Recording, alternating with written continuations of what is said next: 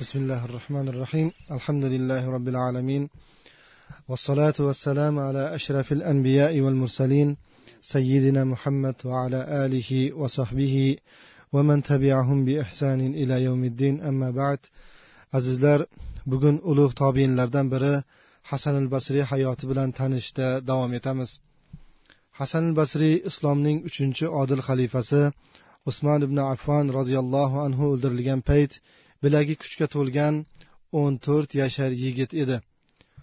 o'n to'rt yashar bo'lishiga qaramasdan hasan al basriy sabzamurt urgan bo'y basti ancha ko'kka qarab cho'zilgan barvasta yigit bo'lib yetishdi. o'n to'rt yoshlik hasanning tik tursa bo'yi janobi rasululloh sollallohu alayhi vasallam xonadonlarining shiftiga yetardi. Hasan ilm va taqvoda qanchalik zabardast bo'lsa qaddi qomatda ham shunchalik baquvvat kelishgan yigit edi. Rivoyatlarda hasan ibn abul hasan basriyning bilagi bir qarich keladigan keng bo'lganligi zikr qilinadi. Tarixda fitnatuddar deya zikr etilgan usmon roziyallohu anhu o'z hovlisida qamab o'ldirilgan katta fitnadan keyin hasanning ota onasi basra shahriga ko'chish tadorigini ko'radilar. Hasanning oilasi basraga borib qo'nganlaridan so'ng hasanning nomiga basralik qo'shimchasi qo'shilib nomi hasanil basriy deya tilga olinadigan bo'ldi.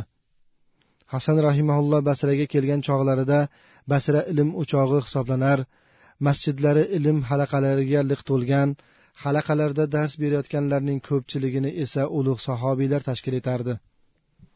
Hasan hasanil basriy ummati muhammadiyaning olimi sanalgan ulug' sahobiy abdulloh ibn abbos roziyallohu anhu halaqasini lozim tutdilar. Tafsir hadis va qiroat ilmlarini hasan al basriy ibn abbos roziyallohu anhudan puxta ta'lim oldilar. Ayni paytda u basradagi mashhur olimlarning ilmiy davrasida fiqh lug'at va adab va boshqa ilmlarni ham o'zlashtirishga muvaffaq bo'ldi. Oradan hech qancha vaqt o'tmay ilmi zakovat va taqvo sohibi hasan al basriy basraning peshvo olimlaridan biri deya dong taratdi. Basraning peshvolaridan biri ulug' sahobiy anas ibn molik roziyallohu anhudan masala so'rashganda so'rovchilarga sizlar masalani endi mana bu yigitdan so'rangiz. Biz hadis eshitdik u ham eshitdi. Biz qarib qartayib ko'p narsani unutdik ammo u unutmadi deya hasan basriyga basriyni ko'rsatganlari rivoyat qilinadi. Hasan al basriy xalq orasida ilmi taqvosi bilan mashhur bo'lgach u kishining qalblar to'ridan joy olib toshdek qattiq dillarni eritib yuboruvchi ko'zlariga shash qator yosh keltiruvchi ta'sirli mauizalariga quloq osish uchun basraning chor atrofidan odamlar yopirilib kela boshladilar. Hasan al basriy ilmiga amal qilgan ichi tashi bilan bir xil yagona maqsadi olloh roziligi bo'lganligi uchun juda ko'p ilmi taqvoda mashhur shogirdlar chiqardilar. Hasan al basriyning shogirdlaridan biri har biri ustozidek ilm va taqvoda odamlarga o'rnak shaxslar bo'lib yetishdi. Hasan basriyning basralik shogirdlaridan biri abu yahyo malik ibn dinar katta masjidlardan birining imomi edi. U kishi ham ustozlari singari taqvodor qo'li bilan yozgan qur'on nusxalarini sotib kun kechiradigan zohid alloma bo'ldi. Bir kun asr vaqti molik ibn dinor o'zi imom o'tadigan masjidga kelib ikki rakat nafl namozini chiroyli suratda ado etdilar. So'ng odatdagidek suyanib dars aytadigan ustunga suyanib o'tirdi. Qarasa jamoat jam keng masjid to'la odam shayxni intiqla kutishardi. Jamoatga hozir bo'lgan odamlarga bir bir ko'z yugurtirgan molik ibn dinor boshini xam qilgancha uzoq jimib qoldi. Bu uning odati emas shunga qaramasdan biron kishi u kishining haybatidan churq etmasdan o'tirardi. Boshini ko'targanda esa ikki ko'zdan yosh qalqidi. Shunda davrada o'tirgan o'spirin yigitlardan biri shayx yig'ingizni boisi nedir? dedi. Shayx ro'parada o'tirgan savol bergan yigitga mulohazali qaradi va lekin ha deganda savoliga javob bermadi. Shayx go'yo tili kurmalib qolganday yoki biron korhol sodir bo'lganday ajablangan kishidek haligi yigitga bir bir qarab qo'yardi. Biron marta ham savol javobini qaytarmay jimib qolmagan savol gapini bo'la olmagan hozir javob shayxning bu ahvolga tushishi jamoatni hayratga soldi. Shunda ular o'zaro shayximizning boshidan bir ish o'tganga o'xshaydi. Lekin aminmizki u kishi nima sodir bo'lganini aytib beradilar deyishardi. Shu on imom ham boshini g'oz ko'targancha tabassum qildi va dedi men boshimni o'tgan bir sarguzashtni eslab yig'ladim. Tush ko'rgan edim. Yaxshi tush ko'rganim uchun kuldim. Men eslagan sarguzasht shuki sizlar besh vaqt namozlarda odamlarga liq to'la mana bu masjidimizning biron kun biron vaqt namozda namozxonsiz bo'sh qolganini bilasizlarmi? dedi. Odamlar yo'q bundan xabarimiz yo'q deb javob qilishdi. Darhaqiqat bundan yigirma yil burun bironta namozxon qolmaganligi boisidan mana shu masjidimizda bir vaqt namoz o'qilmagan edi. Bu voqea hasanil basriy dunyodan o'tgan kunlar sodir bo'lgandi. Hasanil basriy rahimaulloh payshanba kuni kechqurun olamdan o'tdilar.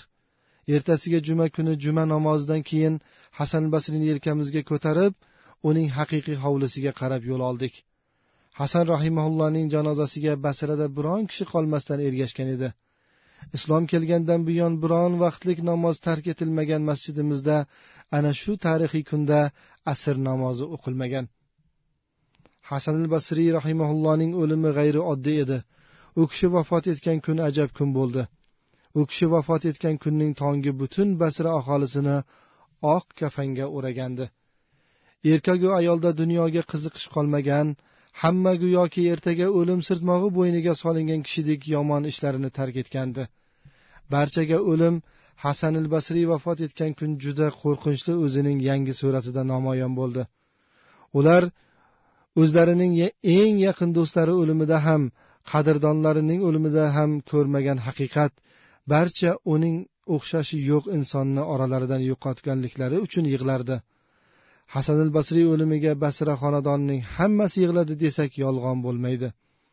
U kishi vafot qilgan kun o'lim hammaning ko'zi katta ko'rinib dunyo hatto mol dunyo ahli ko'ziga ham arzimas narsa ko'rinib qolgandi. Hatto shu darajadaki dunyo odamlar nazarida podshohlari cho'ponlar boylaru kambag'allar sen podshohsan yoki sen kambag'alsan deb ajratilmasdan tashlanadigan bir qabrga o'xshab qolgandi. Men ana shu sarguzashtni eslab yig'lagan edim dedi molik ibn dinor. Basralik hasan ibn abul hasan o'zining ilmi taqvosi va oxiratni eslatuvchi pand nasihatlari bilan musulmonlar orasida dong taratdi. U kishini hayoti bilan xalifalar vazirlar va amirlar ham qiziqar edi. Arab so'zomonlaridan biri xolid ibn saffon aytadi kunlarning birida hiyra shahrida to'satdan amir maslama ibn abdulmalik bilan uchrashib qoldim. U menga ey xolid siz menga hasanil basriy haqida so'zlab bering. O'ylashimcha siz u kishi haqida boshqalar bilmagan narsalarni bilasiz dedi. Alloh amir janoblarini o'nglasin xuddi siz o'ylagandek men u kishi haqida ko'p narsani bilaman. Negaki men birinchidan u kishining yon qo'shnisiman. Qolaversa davralarida uzluksiz o'tiraman. Shu bois basrada hasan basriyni mendan ko'ra yaxshiroq biladigan kishi bo'lmasa kerak deb o'ylayman dedim. Undoq bo'lsa bilganlaringizni aytib bering dedi maslama. U kishi ichi tashi bilan so'zi esa fe'li bilan bir xil bo'lgan kishidir. Biron bir yaxshilikka buyursalar albatta o'zlari unga amal qilgan bo'ladilar. Biron munkar ishdan qaytarsalar albatta o'zlari undan qaytgan bo'ladilar. Men u kishini odamlar qo'lidagi narsadan behojatligini odamlarning esa u kishiga hojatmandligini u kishida bor narsani olish talabida ekanliklarini ko'rganman dedim. Shunda maslama ey xolid shunchasi yetadi.